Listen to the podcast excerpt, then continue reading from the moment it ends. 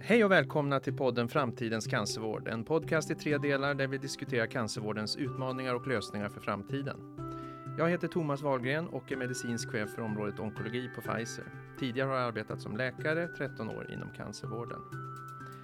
Framtidens cancervård är en lösningsinriktad podcast där vi diskuterar framtiden för den svenska cancervården med några av de mest initierade personerna på området.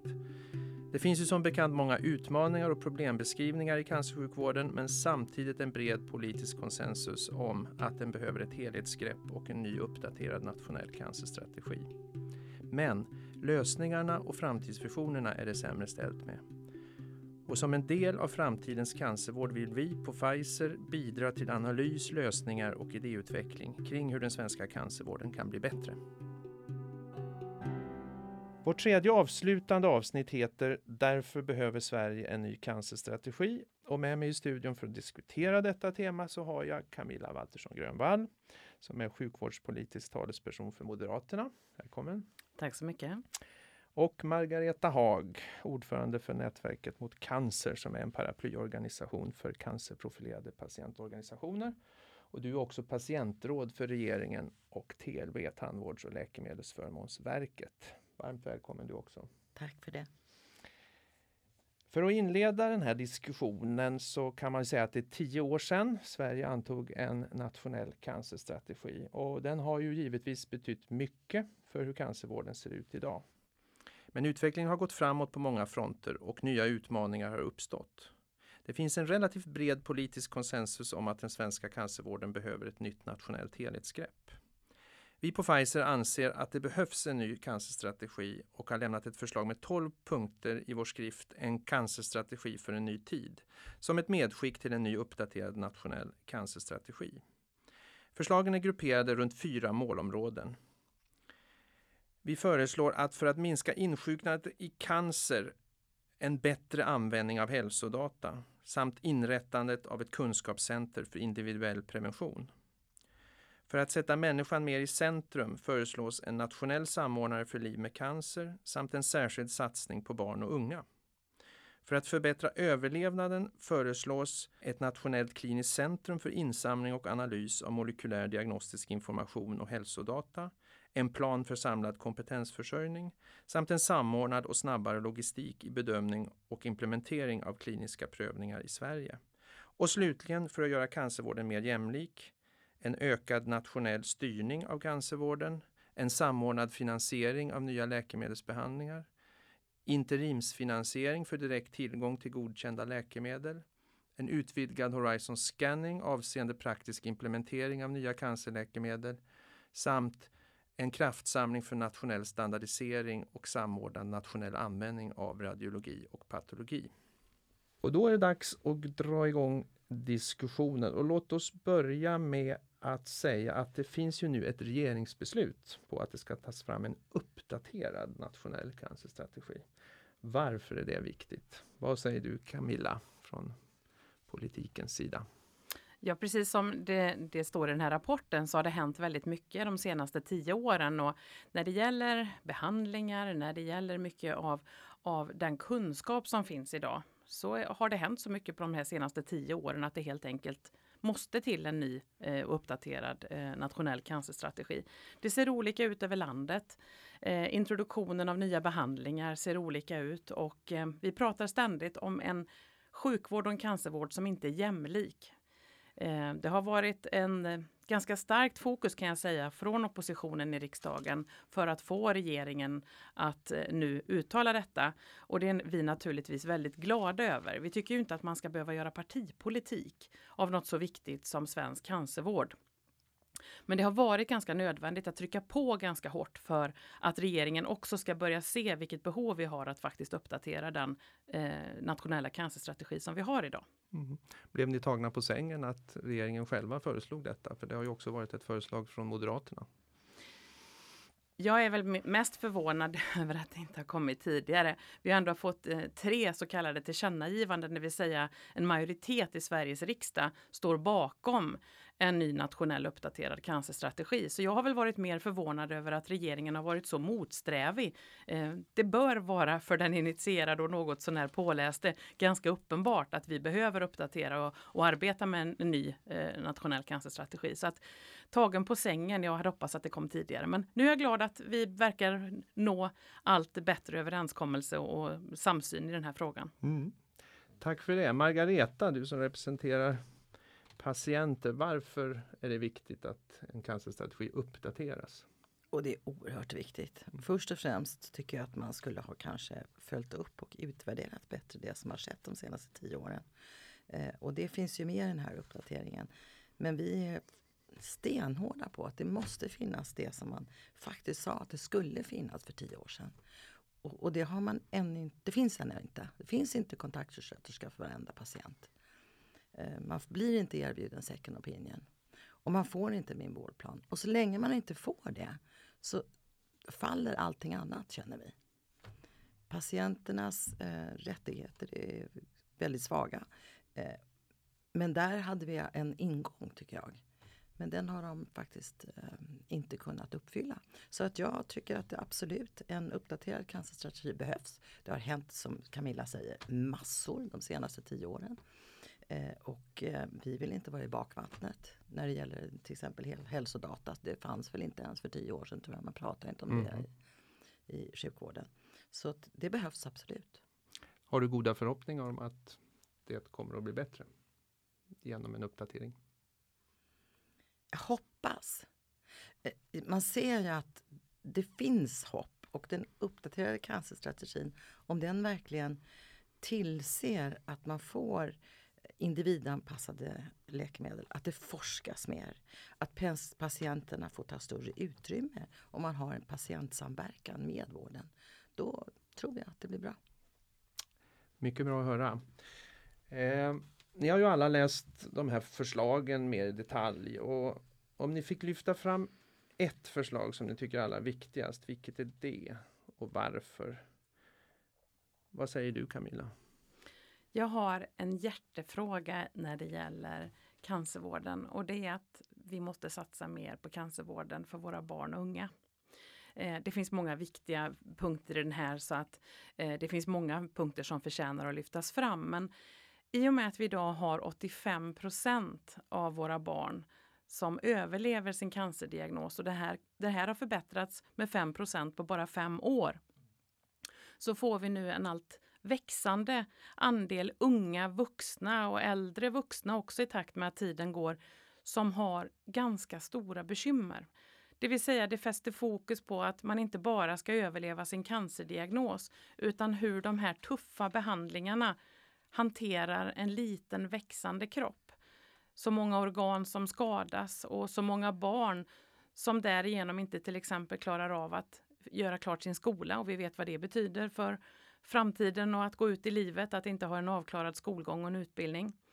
Eh, smärta, depression, större risk för nya cancerdiagnoser och så vidare och så vidare. Vi vet så mycket om detta men vi behöver ha mer forskning till att börja med. Det är ju punkt nummer ett för att se hur vi ska kunna förbättra cancervården och, och behandlingarna för de här unga, precis som för alla andra. Och i och med att vi står nu i en, vi står i någon slags paradigmskifte med precisionsmedicinen så är det oerhört viktigt att forskningen också följer med här.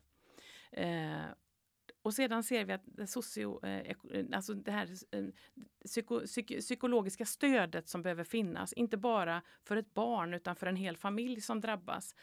Uppföljningen som idag, vi har 19 procent av alla barncanceröverlevare följs upp.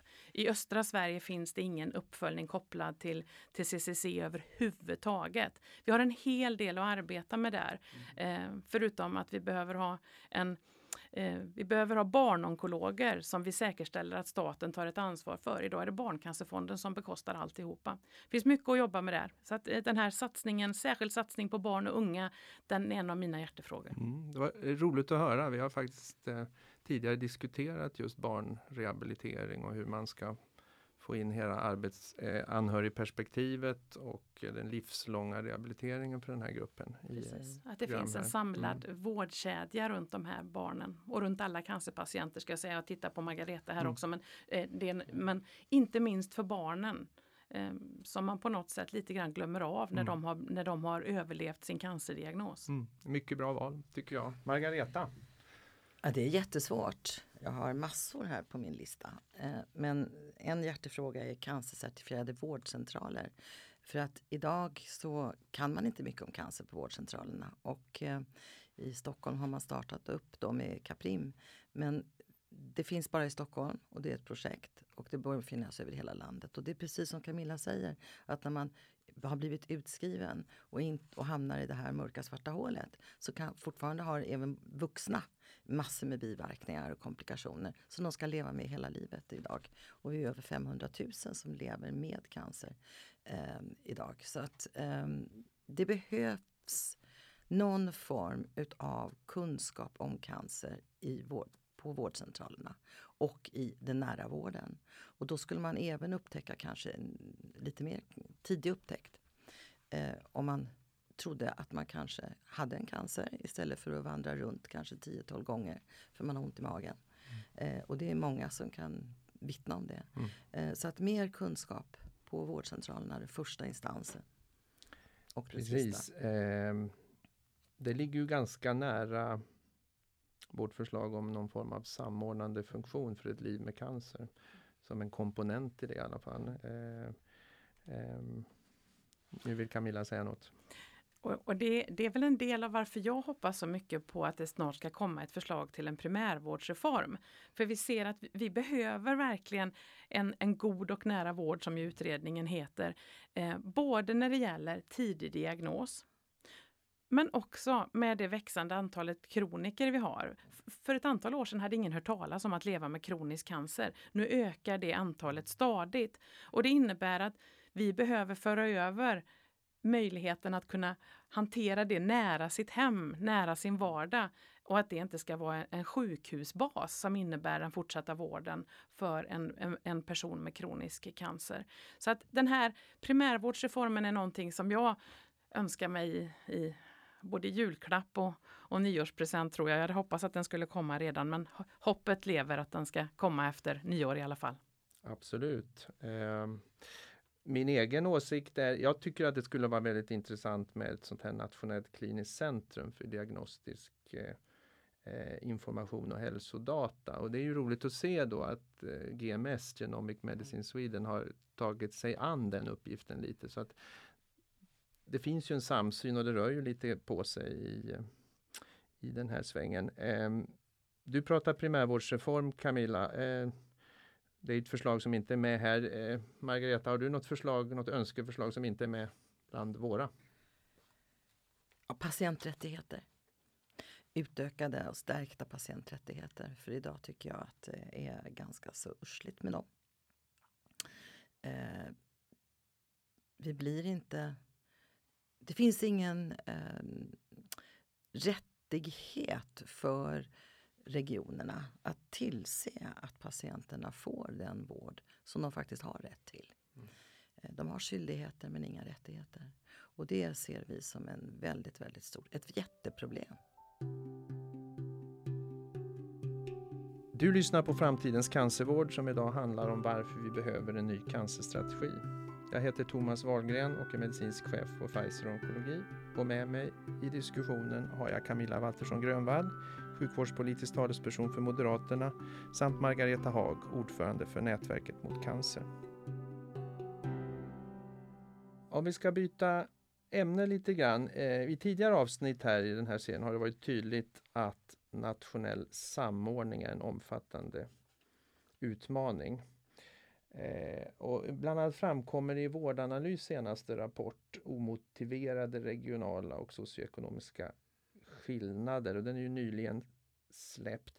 Tror ni att det är särskilt svårt inom cancervården med nationell samordning? Vad säger du Camilla?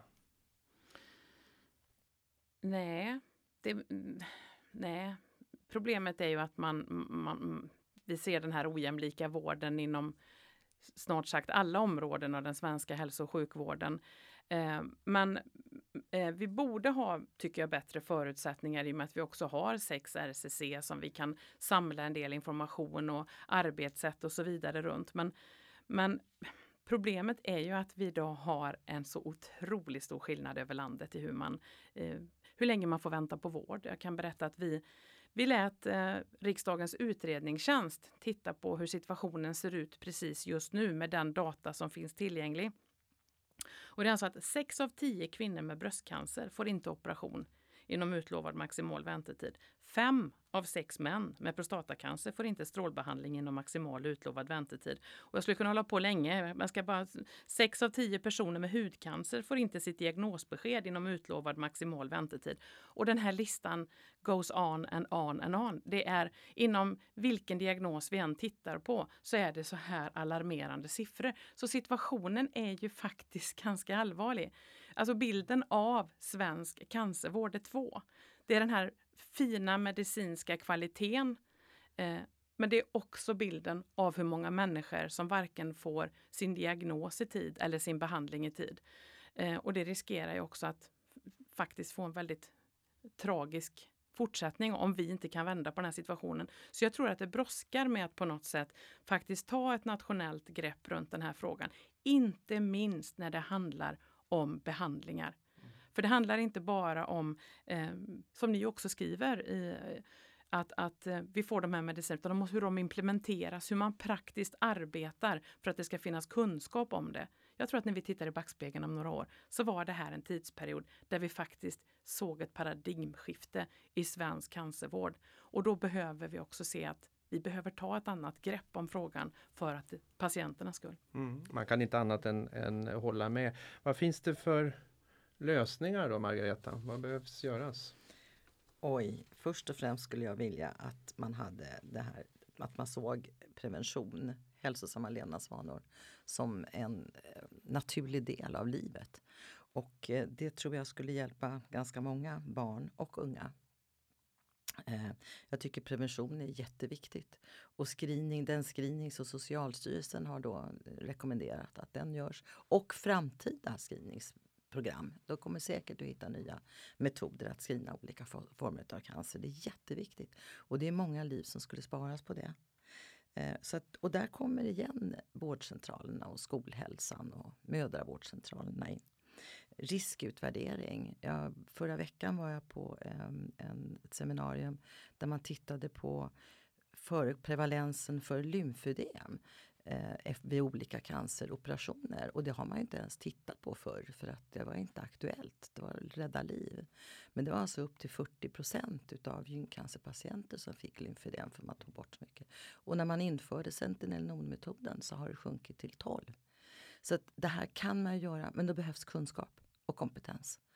Och den, den kanske saknas också i vården idag. Um Tror ni att cancervården skulle kunna utgöra någon form av pilot för att stärka? Vi har ju RCC naturligtvis i, eh, som en samordnande funktion. Men tror ni att man skulle kunna göra mer när det gäller organisation och styrning? Till exempel lyfta ut cancervården i någon form av pilotstyrning. Vad tror du Camilla? Ja, det, det, skulle inte jag ställa mig negativ till på något sätt. Och mot bakgrund av de siffrorna jag precis berättade om så, så finns det ju verkligen ett behov av att, att ta ett samlat kraftfullt grepp eh, för att man också ska kunna känna att man inte behöver vara orolig. Att bor jag i den ena regionen så får jag inte tillgång till den kunskapen och, och de behandlingarna som finns någon annanstans i Sverige. Eh, det oroar mig att vi ser att människor i högre utsträckning väljer att pantsätta det sista de äger och har för att kunna åka utomlands och få behandlingar. Det ska man inte behöva i välfärdslandet Sverige.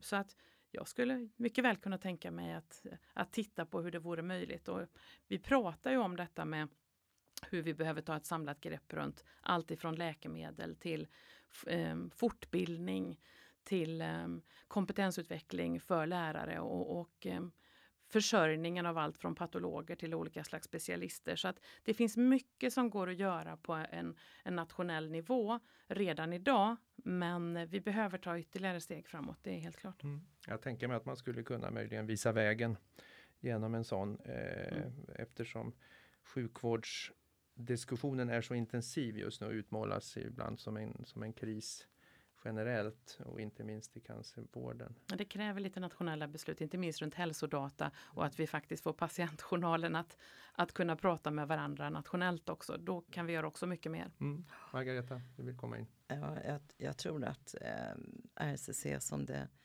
idag utkristalliseras så blir det mer och mer nationella tankar om kunskapsstyrningen och, och var man ska tillsätta i olika eh, professioner och nivåstruktureringar och så. Och jag tror att RCC idag kanske är ett föredöme för en del andra eh, diagnoser där man faktiskt har lyckats med vissa saker. Eh, och, och nej, jag tror det skulle vara fantastiskt. Mm. Ett pilotprojekt. Håller helt med. Eh, för att fortsätta kanske lite på vad RCC har åstadkommit. Vi, vi pratar ju ofta om tidsaspekter eh, i cancervård. Både när det gäller tidig upptäckt, snabbt få rätt behandling eh, och det här har ju fått uppmärksamhet genom den här debatten om köer inom cancervården.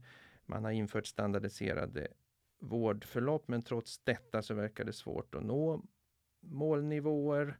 Och vårdförlopp förloppen, de standardiserade, täcker bara in en del av förloppet fram till diagnos. Vad, vad, skulle ni säga är den viktigaste insatsen för att korta ledtiderna inom cancervården? Den här frågan får du ofta Camilla.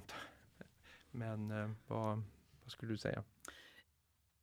Ja, en del är naturligtvis att vi behöver ha en annan en nationell samordning runt frågorna. Eh, men vi, det är, många av lösningarna har vi varit inne på nu. Det är en ganska, det är en ganska komplex bild. Eh, men eh, att eh, eh, det handlar om allt ifrån att vi behöver utbilda rätt slags specialister.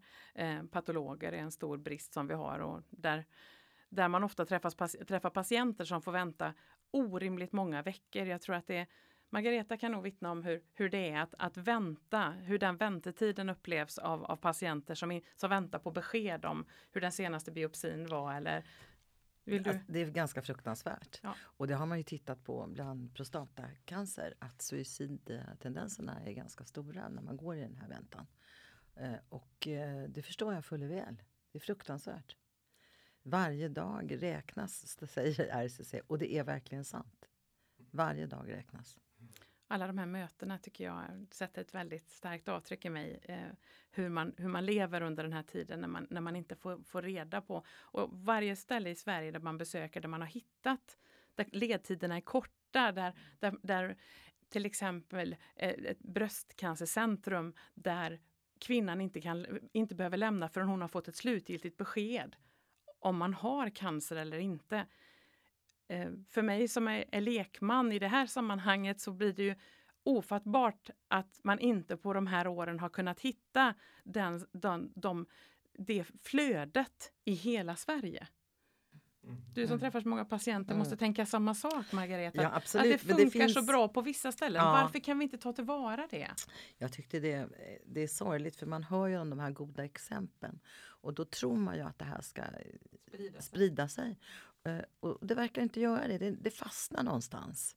Och jag vet på västkusten var det någon som också, en, en, läkare som lyckades omorganisera hela systemet så att man vandrade in som patient och sen så tog man alla prover och sen så fick man vänta. Så när dagen var slut så fick man reda på hur man var inuti och utanpå. Eh, och, och, istället för att i, i, många diagnoser i Stockholm så alltså det kan ju ta hur lång tid som helst. Det är den amerikanska modellen det där du beskriver. Och det är så det, det borde vara. Det, det, kan inte vara så svårt. Ja, det borde kunna gå att göra. Jag, jag, tror du pratar om Uddevalla. Ja, jag eh, pratar om Uddevalla. Pratar om Uddevalla. och, och, det som var fascinerande när jag var där sist, då uppfattade jag som att då höll man då på att organisera urologen eh, så att prostatacancerhanteringen blev på samma sätt. Då har man ändå jobbat vägg i vägg med Bröstcancercentrum i kanske 10, kanske 15 års tid. Och nu samordnar man till exempel patologdelen. Och det, alltså, det måste finnas mycket som vi kan göra för att få det här att fungera mycket, mycket bättre. Eh, men eh, nationellt centrum på något sätt som ni pratar om, där vi har kunskapen och, och, där man kan samla, tror jag också det här med best practice, där man ser att flödena fungerar bäst eh, och på något sätt peka med hela handen. Det måste vara så här vi ska jobba nationellt, för här löser vi uppgiften och på vissa andra ställen gör vi det inte. Det är roligt att du nämner Uddevalla eh, eftersom de har haft ganska eh, mycket framgångar med standardiserad vårdförlopp, eh, framförallt inom urologin. Och förhoppningsvis blir det ännu bättre. Ja, men, men eh, en dag. Kan man, kan man, skulle man reformera de standardiserade vårdförloppen och inkludera hela sjukdomsförloppet? Vad säger du Margareta? Det har man gjort i Danmark från början så jag förstår inte riktigt varför man inte försökte eller vågade man kanske inte göra det i Sverige. Jag vet inte. Eh, det borde vara från dag ett, alltså utredning. När du första gången går till vårdcentralen och när du har varit där två gånger så borde någon klocka ringa. Och det finns ju de här larmsignalerna i England så det borde vi kunna ha här också. Är det svårare att mäta kanske helt enkelt? I, i, det är lättare att mäta tid till diagnos men det är svårare kanske att mäta kvalitativ tid i ett senare skede av sjukdomen. Ja, det är mycket möjligt att det är och det är säkerligen eh, problematiskt i Sverige att mäta det här ut, utöver tid eftersom man blir utskriven och sen så har man inga uppföljningar mer. Eh, och nu tänker jag då på rehabilitering och de här komplikationerna som alla överlevare har. Men om man gjorde det som i Danmark, då, då, höll man på, då håller man på till palliation. Och, och då, får du också, då kan du forska på rehabilitering och du kan forska på överlevnad. Du kan forska på massor med saker som man inte gör idag i Sverige. Palliation betyder icke botbar sjukdom. Ja, för mig är palliation den senare delen av icke botbar sjukdom eftersom jag då är kroniska, kronisk cancer själv. Absolut. Ja, men det är en eh. intressant fråga tycker jag. För att eh, just de standardiserade vårdförloppen som vi dessutom har bekymmer med. 31 har vi idag, 23 klarar inte ledtiderna. Eh, men också Norge tittar ju precis och ar börjar arbeta precis på det sättet som Danmark har gjort, alltså det som man kallar för packeförlöp, vilket jag tycker är ett fantastiskt tråkigt ord, men det kanske går att hitta någon svensk roligare variant på det. Det viktiga är innehållet. Så det är ju tydligt att vi behöver titta på våra nordiska grannar som jobbar så mycket mer framgångsrikt med detta med hela förloppet. Mm. Ibland är det lite, tycker man att det är lite typiskt svenskt att vi inte vill Hela vägen. att, att, vi vill eh, jämföra oss med våra grannar och se kanske att man har löst saker bättre. Men det kanske är så också då att man tittar inte riktigt holistiskt heller på människan i Sverige idag. Jag vet inte hur man gör i Danmark eh, eller i Norge. Men det gör man ju faktiskt inte. Många gånger så är det dina celler och sen så that's it. Mm. Så att om man börjar titta på det från dag ett till palliation, då blir det kanske mer holistiskt också. Då tittar man på hela människan och på närstående, barn och föräldrar och så. Eh, det blir, tror jag, en mer mänsklig vård mm. också. Det låter som en väldigt fin sammanfattning på den frågan och någonting kanske för politiken att, att titta vidare på. Vi, vi eh, börjar närma oss slutet och som att avrunda den här diskussionen så tänkte jag att vi skulle vara lite möjlighetsorienterade. Det är ju väldigt mycket problemidentifiering i, i, i diskussionen kanske generellt men vi vill ju nog alla runt det här bordet att Sverige ska kunna erbjuda en världsledande cancervård med patienten i centrum. Om vi pratar möjligheter avslutningsvis, vad, vad ser ni för möjligheter eh, som Sverige har att erbjuda detta framöver? Och vad behöver vi i så fall göra? Ska vi börja med dig Margareta? Mm. Jag tror först och främst måste någon i regeringsställning kanske sätta ner hela foten och säga att nu ska vi fixa det här med hälsodata och med AI. Det måste lösas. Och om man inte löser det så kommer vi inte framåt. Och då når vi inte den här individanpassade vården i framtiden. Så att om man gör, nu jämför jag med Finland där man faktiskt har gjort det här. Och det inte tog så väldigt många år att sätta ihop juridik, eh, samarbete, klinik, forskning, patientsamverkan, allt det här. Och, och så kom man ut på andra sidan och man har faktiskt eh, ändrat lag, uppdaterat lag, lagarna. Så att man kan dela hälsodata, patienten kan äga sin hälsodata, det verkar vi också för. Vi vill inte lämna ifrån oss våra data om vi inte kan få använda dem. i statistiskt syfte som patientförening. Men att, att man fortsätter att göra det så kommer man fram till att se hur vården ska se ut och hur den är. Det ser man inte riktigt idag.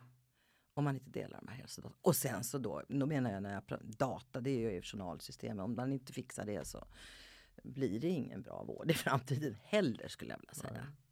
Och det här med att använda artificiell intelligens eller AI mm. som du sa, det är väl framtiden. Och eh, det låter ju väldigt hoppfullt. Eh, Camilla, vad, tycker du att vi ska göra? Jo, så är det. Det är, underbe det är underbetyg till, till politiken som inte har löst det här eh, när det gäller datan. Den är helt avgörande. Jag delar den. Och med tanke på vilka fantastiska förutsättningar vi har runt de svenska kvalitetsregistren och annat så, så, så är ju vi ett land som har alla förutsättningar bara vi kan ta hand om dem.